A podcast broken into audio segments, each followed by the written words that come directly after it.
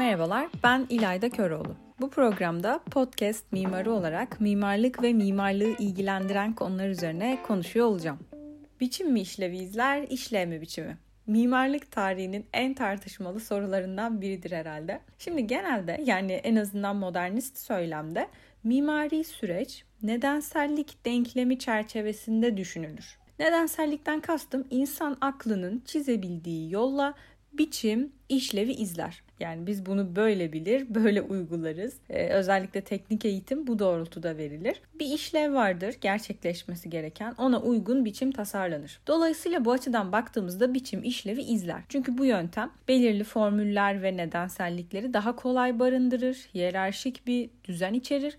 Bu nedenle aktarımı da daha kolaydır biçimi gerekliliklerden üretmek. Açıkçası bu çağın insanı olarak benim de belki muhtemelen sizlerin de böyle düşünme eğilimi göstermemiz normal tabii ki. Peki bu açıdan böyle ama diğer açılardan nasıl gelin buna bir bakalım. Tanyeli bu nedenselliği şöyle açıklamış. Bu yöntem Öklit geometrisini içerir. Yani kesin, net hatlar, matematiksel olarak hesaplıdır. Bir insan için temel düzeyde hesaplanabilir. Fakat sonrasında non-standard dediğimiz örneğin eğrisel buruşuk formlar standart olmayan dijital teknolojilerin imkanı ile işte Frank Gehry'ler falan artık Öklit geometrisindeki kesin hatların çok da önemli olmayabileceğini gösteriyor. Şimdi burası önemli bir dönüm noktası. Hem tarihsel hem de algısal olarak postmodernizmin kendisini göstermesi derim ben buna. Modern yöntemin ötesinde bir yol sunuyor bize çünkü. Mesela Dikdörtgen bir yapı tasarlıyoruz. Betonarme strüktür kurallarını öğrenmiş bir öğrenci olsun bu kişi tasarlayan. Diğer yöntemler hakkında da bilgisi yoksa ne yapar? 8 ve 8'in katlarına denk gelecek boyutlarda tasarlar yapısın. Çünkü en güvenli betonarme açıklığıdır. E bildiği en rahat, en güvenli açıklık 8 metre ise mis. Ne oldu? Binamızın zeminde uzunluğu belki tam 24 e, metre oldu. Neden? Çünkü hesap bunu gerektirdi işlev için biçimi belirledik. Biçim işlevi izledi adeta ama artık gerektirmeye de biliyormuş. Bakınız karmaşık hesaplamalar rahatlıkla yapılabiliyor hesaplamalı tasarım sayesinde. Rastgele dediğimiz formları da inşa edebilir hale geliyoruz. Tabi yine de yöntem bilmek mühim. E, nasıl yapacağını bilmeyen bir öğrenci ne yapacağını da karar verirken yalnızca bildiği veya bildiğini zannettiği seçenekle kendisini kısıtlayacaktır. Yine de öyle ya da böyle genel anlamda günümüzde bu imkanların var olması bir paradigma değişimidir. Paradigmalar değişmeye başladıkça toplumsal algı dönüşmeye başlar. En zoru tabii bireysel algı değişimidir. Çünkü birey olarak belirli kalıp inançlarımızdan dolayı yeni paradigmayı kabullenmekte bazı bireyler için söylüyorum zorlanabiliyoruz. E, gördüğümüz üzere bu yeni durumda elimizdeki imkan sayesinde ortaya çıkan sonuç bu şekilde bir tasarımda elde edilen biçim tek bir matematiksel terimin tanımladığı sonsuz sayıdaki olasılıktan sadece biri. Düşünebiliyor musun? Tek bir karar vericinin ulaştığı deterministik sonuç tuzla buz oldu. E bu senaryoda seçimi kim yapıyor? Ayrıca sadece bir nedensellik formülüne takılmak zorunda da kalmıyoruz. Peki bu ne demek? Ortaya çıkan ürün biçimi baştan öyle saptadığı için öyle gerçekleşmiyor. O yapı üretim sürecindeki taktik kararlar ağı içinde öyle vuku bulduğu için o sonuç çıkıyor. Bir kararlar ağı söz konusu ve ortaya bir sonuç çıkıyor. Algoritmalar bunu belirliyor. Şimdi buna ister rastgelelik diyelim, ister makine belirledi diyelim. Karmaşık bir olasılıklar ağı söz konusu. Ve en vurucusu da şu. Neden böyle oldu? Sorusunun cevabına gerek kalmıyor. Tıpkı varoluşumuz gibi. Neden varız? Buna yeryüzünde yaşayan insan sayısı kadar farklı cevap bulunabilir ama nasıl? Nasıl sorusunun cevabı bir yerlere varmamızı sağlıyor işte. Tasarımda da böyle oluyor. Biçim, işlev birbirini izleye dursun. Asıl mesele nasıl izledikleri. Yani süreç. Nasıla, sürece odaklandığımız bir yapım yolu. Bunu da hesaplamalı tasarım bir bakıma sağlayabiliyor.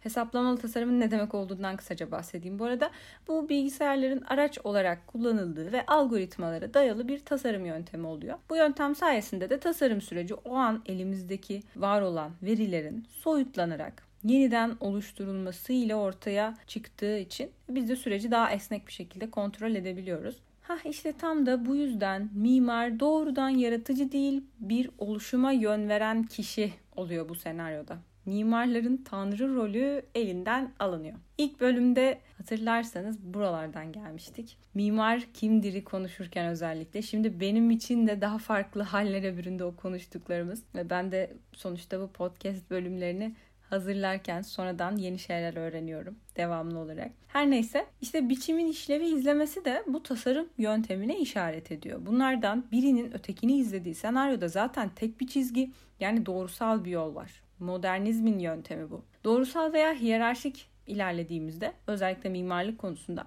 birbirinden ayrı ve sırayla tasarlamak en küçük hatada bizi en başa taşıyor uğraştığın her şey küçük bir hesap bile tutmayınca bir anda hop başa dön. Kırılgan bir yapı söz konusu. Bunu jüriye bir hafta kala projesinde küçük bir şey değiştiren öğrenciler anlayacaktır. Ancak mimari tasarım nerede biter, strüktürel tasarım nerede başlar sorusuna artık yer yok diyor Tanyeli.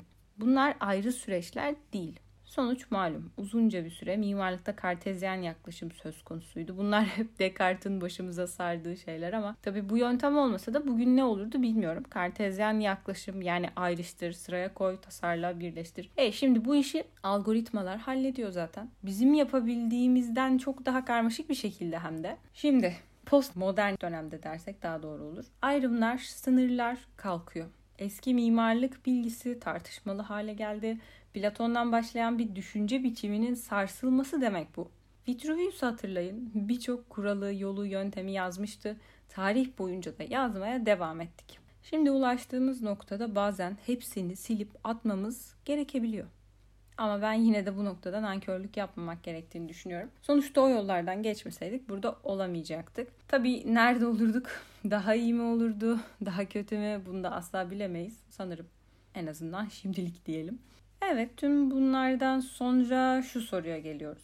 Madem bu kadar her şeyi kaza ve kader rastlantıda diyebiliriz belirliyorsa tasarımcı ne yapacak? Tanyeli bu soruyu soruyor. Tasarımı algoritmaların belirlemesinden bahsediyor yani.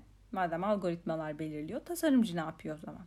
Ben onun cevabından ziyade şimdi şuna dikkat çekmek istiyorum. Bugün gelinen nokta yani bir yazılımın verilerin tamamının kaotikliğinden rastgele bir sonuç çıkarması bizi başa döndürüyor gibi mitolojiye, ilk inançlardan, ilk mitolojiden bahsediyorum. Madem bir makine bütün bu verilerden bize bir sonuç çıkaracak, bunun zamanın işleyişi, akış, evrim, kozmos ne üzerinden düşünürsek soru aynı.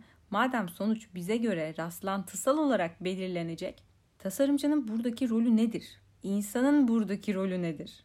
Buna böyle geniş bir perspektiften bakmanın önemli olduğunu düşünüyorum. Aksi halde zaten salt makineleşme söz konusu ki modernizmin de duvara tosladığı nokta bu zaten ama neyse konumuz bu değil. İşte belliyse her şey biz ne yapıyoruz burada?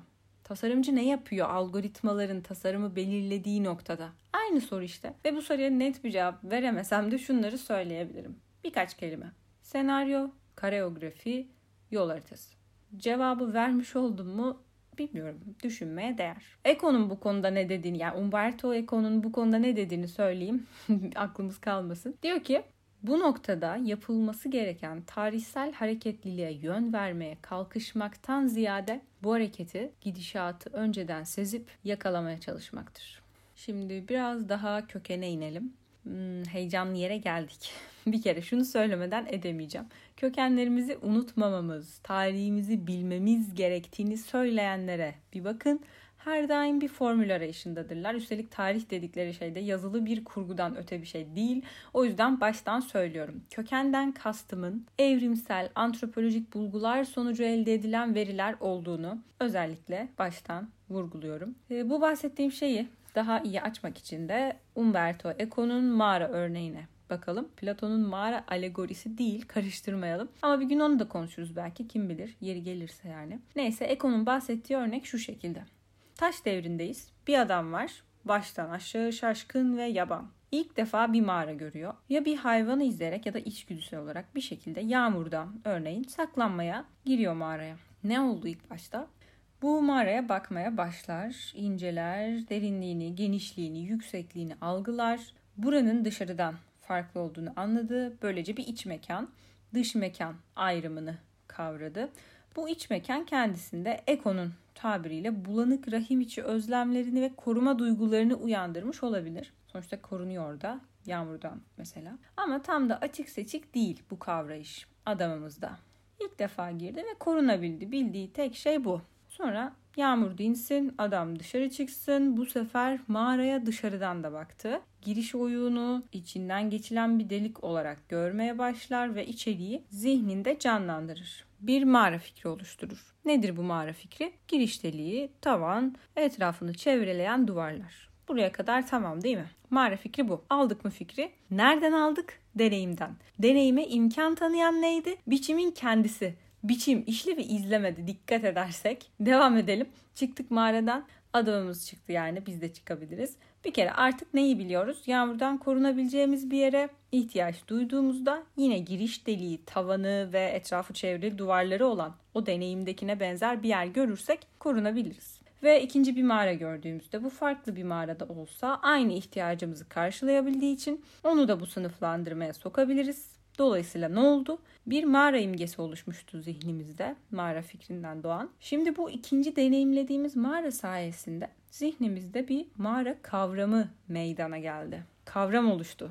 Kavram ne işe yaradı peki? Artık mağaradan uzağa gitmem, avlanmam veya bir şeyler toplamam gerekirse o gittiğim yerde de bir mağara yoksa ben o mağara fikrinden yola çıkarak ona benzer bir şeyi inşa edebilirim. Kavradım çünkü onu artık. Kavramın gücüne bakar mısın? Artık mağara fikri korunma güdüsünden ayrılmış oldu. Güdüsel olmaktan yani. Ben istediğim yere ona benzer bir şey yapabilir ve ihtiyacımı karşılayabilirim. Hatta bir gün Robin Hood bile olurum belki kim bilir. Çünkü artık bir formül var elimde ve Eko buna şifre diyor gösterge bilim çerçevesinde. Nedir bu şifre? Bir giriş, üzerimi örten bir tavan, etrafını çevreleyen duvarlar. Bunu alıp başka yerlere de uygulamaya başlayabilirim. Ya da taş devrindeki adamımız uygulamaya başlayabilir. Ya işte nereden nereye?